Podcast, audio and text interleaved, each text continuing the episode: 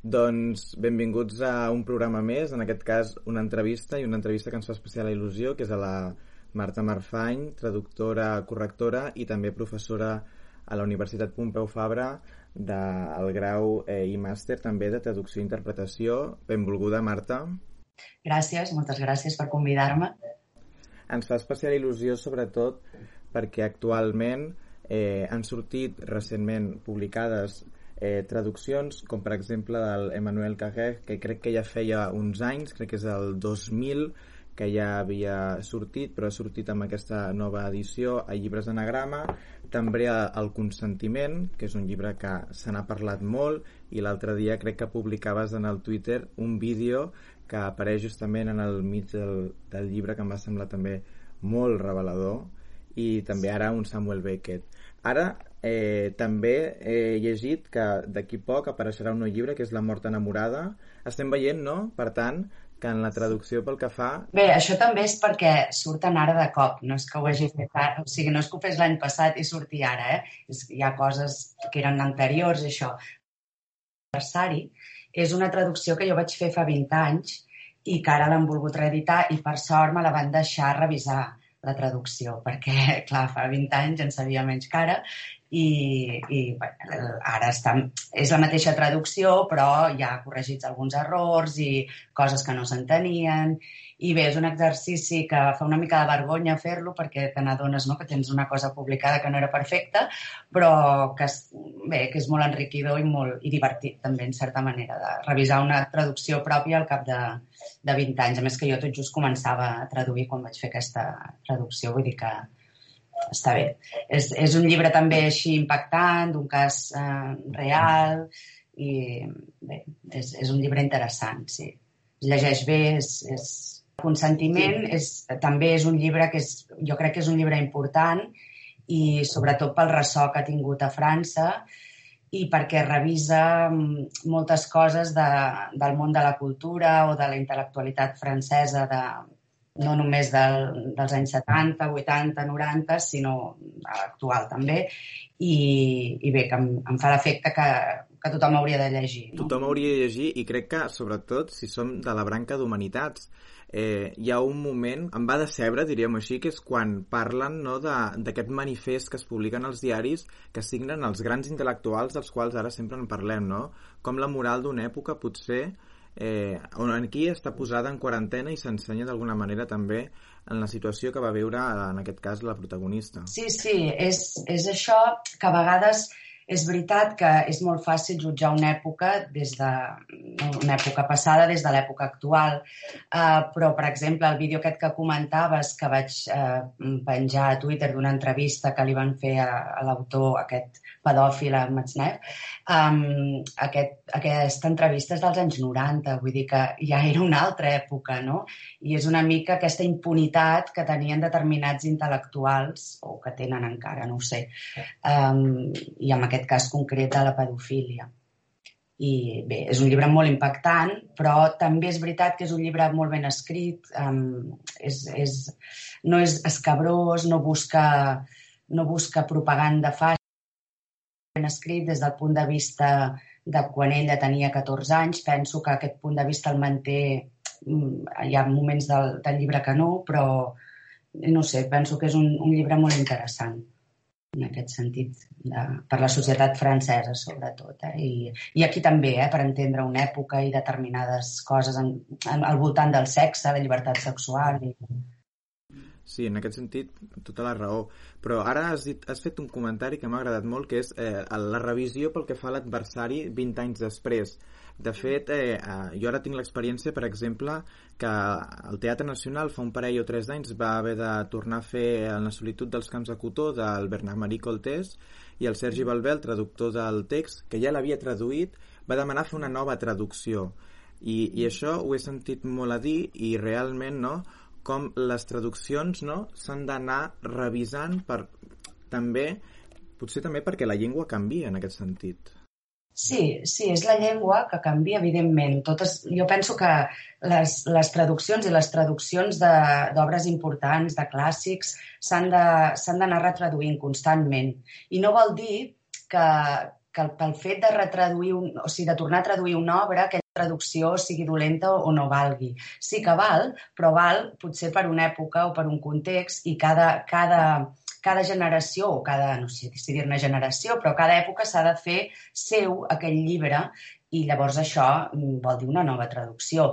És la llengua i són altres coses.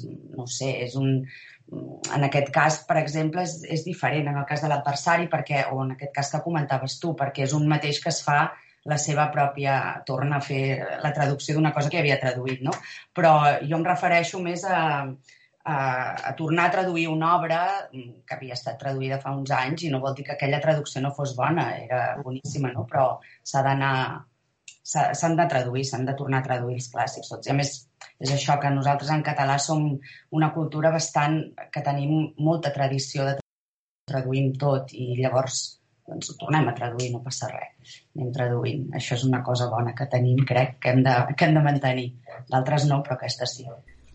Clar, i ara t'anava a preguntar, nosaltres, eh, els creadors d'aquest espai podcast, eh, sobretot cursem el que és el grau d'Humanitats, som de Ciutadella, i sí que ens hem trobat, per exemple, que la carrera tal i com es va formar des de l'inici no posava la llengua a, en el centre. En canvi, hi ha la carrera de traducció i interpretació, que en aquest cas vosaltres esteu a Poble Nou, amb altres, eh, amb altres departaments com periodisme, com comunicació audiovisual o com etc. Clar, eh, parlant amb els reptes que potser constantment estem parlant també a la universitat de la dificultat a vegades de la parla al català, constantment s'estan denunciant que molt poques classes es realitzen en la llengua catalana que s'han anunciat, etc etc. no? Però com en el context actual eh, costa a vegades entendre la importància de la llengua en carreres d'humanitats. No sé si en aquest sentit eh, és una reflexió que també feu a la, a la vostra carrera o al vostre grau i màster de traducció i interpretació. Bé, clar, és que per nosaltres mm, la llengua és essencial, vull dir, no, és que és, és com el material no, de, de, per traduir, però jo penso que en carreres com humanitats i, i periodisme, sobretot, que bé, no se'n diu periodisme, però ja, ja enteneu què vull dir, és essencial i llavors no acabo d'entendre a vegades no, que no, no s'incideixi més en, en assignatures de llengua i no, no conec massa com, com està muntat el grau d'Humanitats, vull dir que tampoc no puc, no puc opinar això, ho pots dir més millor tu que no pas jo, eh? perquè no, realment ho desconec, eh? però sí que és veritat que, que potser hi hauria d'haver, no sé com, però alguna mena més de, alguna connexió més eh, entre... El problema que tenim, jo crec, la Universitat Pompeu Fabra, que té moltes coses bones, moltíssimes, no, no cal que faci propaganda perquè sabem les bones i sabem les dolentes, eh? però jo crec que una cosa que no és gaire positiva és que, clar, no hi ha com a l'autònoma, no? un lloc que hi ha tots els graus allà, tots els màsters, totes les carreres, tothom barrejat, o tothom es pot barrejar, si vol, ciències, lletres, eh, aquí estem dividits i en el nostre cas, sincerament, penso que mal dividits. Perquè jo quan vaig arribar aquí, vaig arribar el 2009, i una cosa que em va sorprendre és saber que a l'edifici de traducció no hi havia, no hi havia els d'humanitats. Em va sorprendre moltíssim i al principi vaig pensar, bé, això devia ser, mira, no? uns, uns a tocar, no sé, no sé ben bé com va anar la cosa perquè jo no hi era, però és una cosa que em sembla sorprenent i vaja, no dic vergonyosa, però gairebé, gairebé. Perquè és veritat que hi podria haver moltes assignatures o algunes assignatures comunes i a Humanitats no entenc per què un estudiant d'Humanitats no pot agafar una assignatura de traducció. Quan que jo sàpiga, la traducció és una disciplina de les humanitats, mmm, vaja, no ho sé, diria que des dels inicis dels temps, no? Mm, llavors, són coses una mica difícils de, d'entendre. Suposo que hi ha altres... No, no tinc ni idea. La veritat és que no, no entenc, no l'entenc, aquesta separació, i no, no sé tampoc els motius, eh, perquè jo no hi era. Vull dir que... I, de fet, d'alguna manera, la gran crítica que se li està fent a la universitat, d'alguna manera, és que no es pot anticipar o no pot plantejar certs reptes perquè, d'alguna manera, se li està caient com la paret a sobre i això eh, per només veure com funciona la contractació de professorat eh, assignatures que en molts casos nosaltres no sabem què les acabarà impartint per la situació també de, de la contractació de professorat fa que realment l'exercici de gestionar una carrera no, acabi sent tapar forats que no pas això, intentar, intentar relacionar el més essencial i posar-ho en l'accent. En aquest sentit, també m'agradaria preguntar per, per el vostre, en aquest cas, per al vostre grau de traducció i interpretació. En aquest sentit, eh, a qui està orientat el grau de traducció i interpretació? Perquè a Humanitat ens trobem que hi pot venir des d'algú que li interessi l'art fins a algú que li interessi la literatura i vulgui després fer una filologia. Però en el cas de traducció i interpretació, com, ho, com està plantejat? A veure, eh, jo crec que el, nostre grau és una mica més específic que el vostre. El nostre grau està dedicat a gent que es vulgui, o sigui, està adreçat a gent que es vulgui dedicar a la traducció. Llavors, dins de l'àmbit de la traducció hi han diferents especialitats.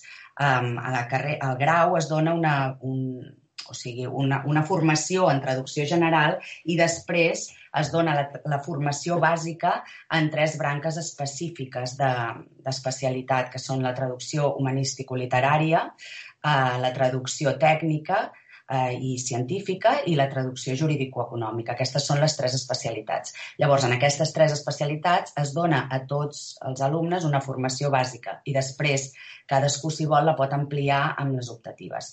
I és clarament una... es dona també un tast o una formació base en interpretació.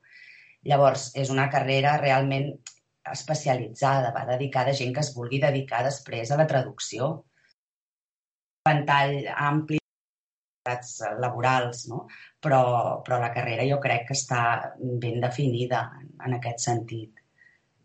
Vosaltres ho teniu una mica més dispers, potser, no sé, ja et dic, eh? potser hauries d'explicar tu, eh? perquè jo el grau no conec gaire, el vostre. Totalment, totalment, bàsicament perquè això que plantejaves tu de poder-te especialitzar en humanitats sí que és diferent perquè l'especialització en tant que com han anat canviant la, fun la funció per redistribució de crèdits i aquestes coses eh, s'ha acabat organitzant d'una forma que només t'acabes especialitzant en, en un itinerari principalment o modern o contemporani o antic i medieval que són principalment els, els itineraris que per al còmput de crèdits acaba escollint la gran majoria de persones i per tant sí que és cert que en l'expedient no queda eh, configurat si has fet més literatura o etc. Hi ha gent que sí que ho pot demanar i pots fer un còmput en aquest sentit, literatura, arts o pensament o el que sigui, però sí que és cert que nosaltres al funcionar totalment per optatives i no tenir uns itineraris tan clars eh, no? les humanitats són total, totalment eh, eh, variables i per tant un s'ho acaba muntant i va fent però en aquest va fent no, trobem a faltar les llengües això és eh, indubtable Clar, i, i seguint per aquí, eh, tens sentit dir en algunes entrevistes, d'alguna manera, la gran dificultat d'estudiar de, la traducció literària. La gran mm. dificultat, no?, de que traduir literatura se n'aprèn traduint literatura. Sí, vaja, sí, um, en general, traduint, o sigui, traduir se n'aprèn molt traduint, eh? això, és, això és veritat, i la prova és que tenim grans traductors en català, l'Anna Casas, el Xavier Pàmies, que no, no han estudiat traducció. Vull dir, han fet en Xavier Pàmies, em sembla que biologia, l'Anna Casas és dret. És evident, això és evident. El que passa que ara tenim la gran sort de tenir facultats de traducció on, a més de practicar la traducció, cadascú pot anar traduint, tens persones, professors, que et donen una base o que et poden ajudar. Jo, jo per exemple, jo no he estudiat traducció, jo vaig fer filologia i, i, moltes vegades penso que afortunats que són, com m'hauria agradat a mi poder entregar una traducció a classe i que el professor me la corregís i em digués què està bé, què està malament. Vull dir que eh, és això, i ara, i ara ja m'he perdut, ja no sé què em demanaves ara. Pel que fa a la, a, a, a la traducció literària, no? Jo me'n recordo que, que deies en algun moment que la literatura sempre aborda la normativitat i per tant era una discussió en la qual no hi ha veritats dogmàtiques no? i que per tant sempre hi havia aquest eh, teva meva que era interessantíssim.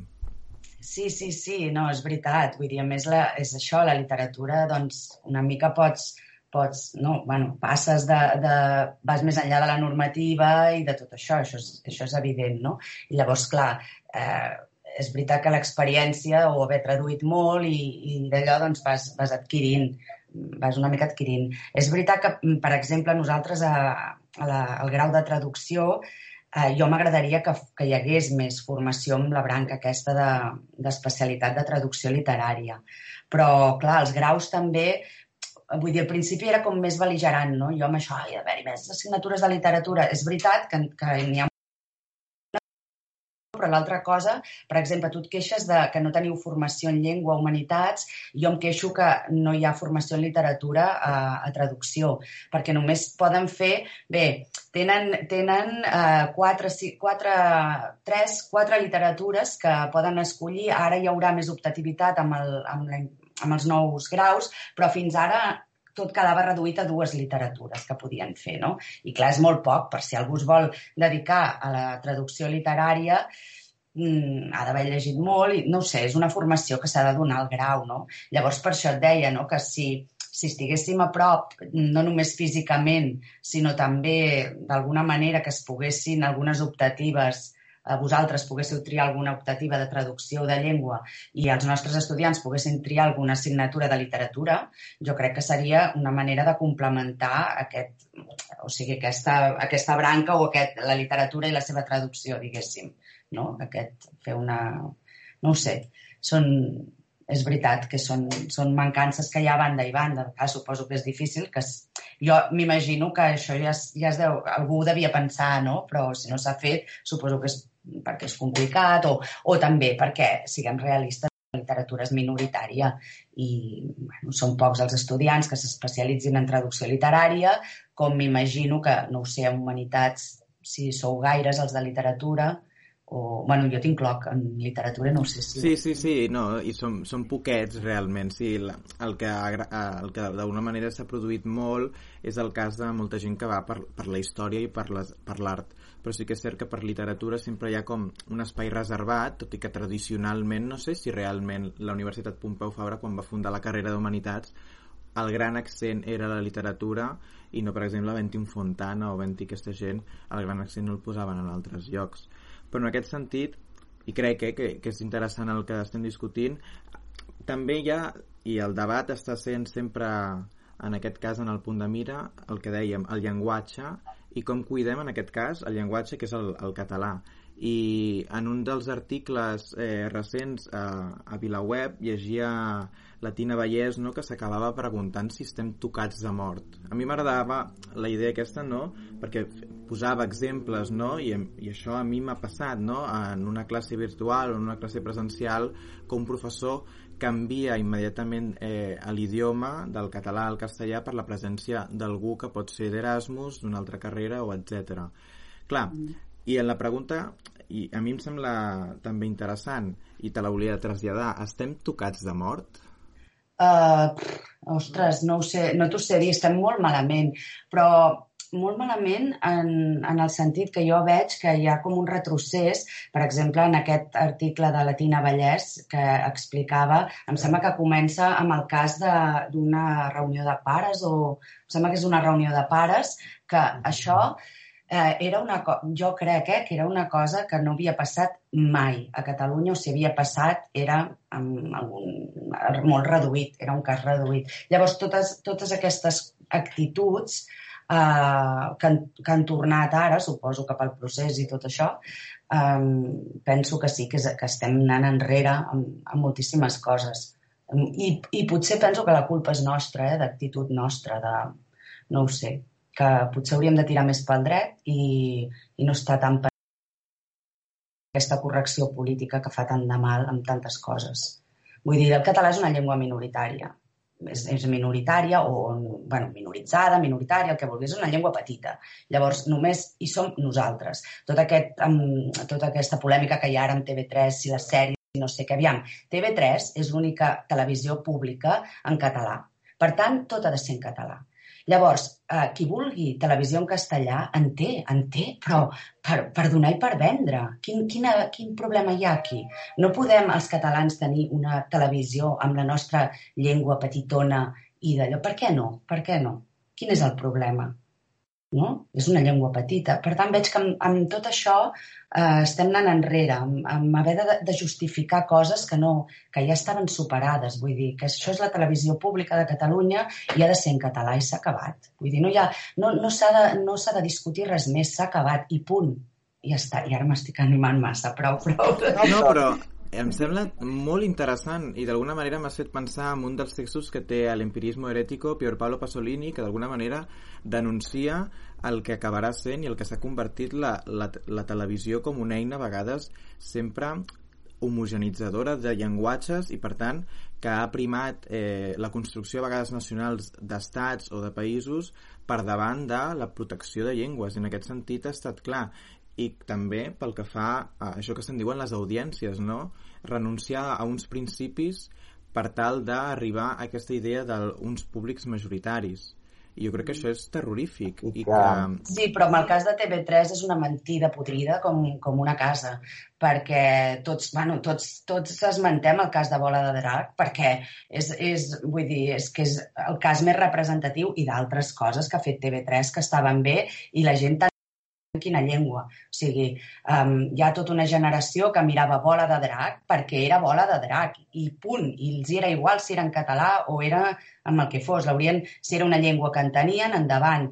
Per tant, tot això de... Vull dir, és, és, sí, les audiències. O sigui, aquesta sèrie de, de Sapere Aude que parlen en castellà tota l'estona, o pràcticament tota l'estona, no l'he vista, eh? Vaig veure ahir un tros i me'n vaig anar per no, perquè més com que també dona una imatge de la universitat i dels universitaris que no sé, jo, bueno, no ho sé, els meus fills la veuen però jo vaig dir jo no la vull veure i no ho sé, vull dir que, que no sé, arribaràs a més audiència per fer aquesta sèrie perquè els, hi hagi personatges que parlin en castellà?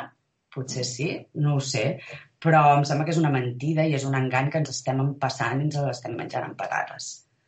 I ara també em ressonava una altra entrevista a VilaWeb, en aquest cas de l'Albert Gené, que d'alguna manera deia, no?, això de que el, el català, crec que deia el català correcte no sona bé i és artificiós, és una mentida que s'han après o que han defensat aquells que no han volgut aprendre el català. Sí, és una mentida, això és una mentida. Jo et dic jo, uh, uh, si mires, per exemple, tornem a l'exemple de Bola de Drac, el model de llengua de bola de drac, doncs mm, eh, ningú tenia cap problema i el Vegeta deia ets un baliga-balaga i a tothom li semblava bé. Eh? Jo tinc amics de l'Hospitalet de Bellvitge que no havien sentit parlar català en sa vida i veien aquesta sèrie i ets un baliga-balaga, els hi semblava estupendo. Vull dir que és tot una mentida i ens l'empassem. I això és el que, el que, bueno, que m'indigna i per això és un tema que, que ara l'has tret i en parlo, però no m'agrada perquè perquè veig que estem, anem enrere, anem enrere i som nosaltres, vull dir, som nosaltres els culpables i prou. I, I en aquest sentit, la universitat ha de ser un espai, o s'ha intentat col·locar un espai per trencar aquestes mentides en les quals eh, vivim constantment o la universitat a vegades també s'està mobilitzant a vegades eh, a contracorrent en aquest sentit i per la impossibilitat mateixa seva per estructural, per burocràtica, el que sigui, no està donant resposta. Uf, no ho sé, no t'ho sé dir. No ho sé. Um, clar, jo conec l'àmbit nostre de la traducció i jo penso que estem fent el que hem de fer. No sé, altres, altres graus, altres... No ho sé. Sí que es pot... És cert que la universitat s'hi hauria d'implicar més, com s'hauria d'implicar més en moltes altres coses que no s'implica. La universitat i, i l'ensenyament en general, eh? No ho sé. Però potser sí, que també s'hi hauria de... Però és que, clar, s'hauria d'implicar en tantes coses. Vull dir, no sé, que...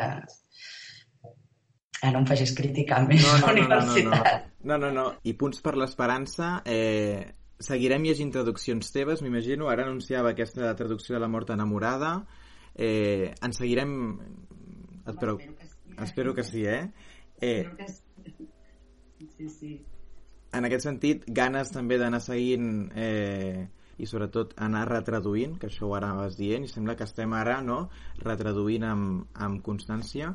Tant de bo et puguem llegir i et anem llegint. Moltes gràcies. Bé, tant de bo continueu amb aquest programa que és molt interessant. i que us vagi bé, que vagi molt bé. Doncs moltes gràcies. Nosaltres deixem aquí aquesta primera entrevista i com a mínim no, poder anar eh, coneixent la realitat d'altres graus de la mateixa universitat sempre serà en aquest sentit molt, eh, ens agradarà molt i enriquidor. Moltes gràcies Marta i, i fins aquí el programa d'avui. Moltes gràcies a vosaltres. Vagi bé.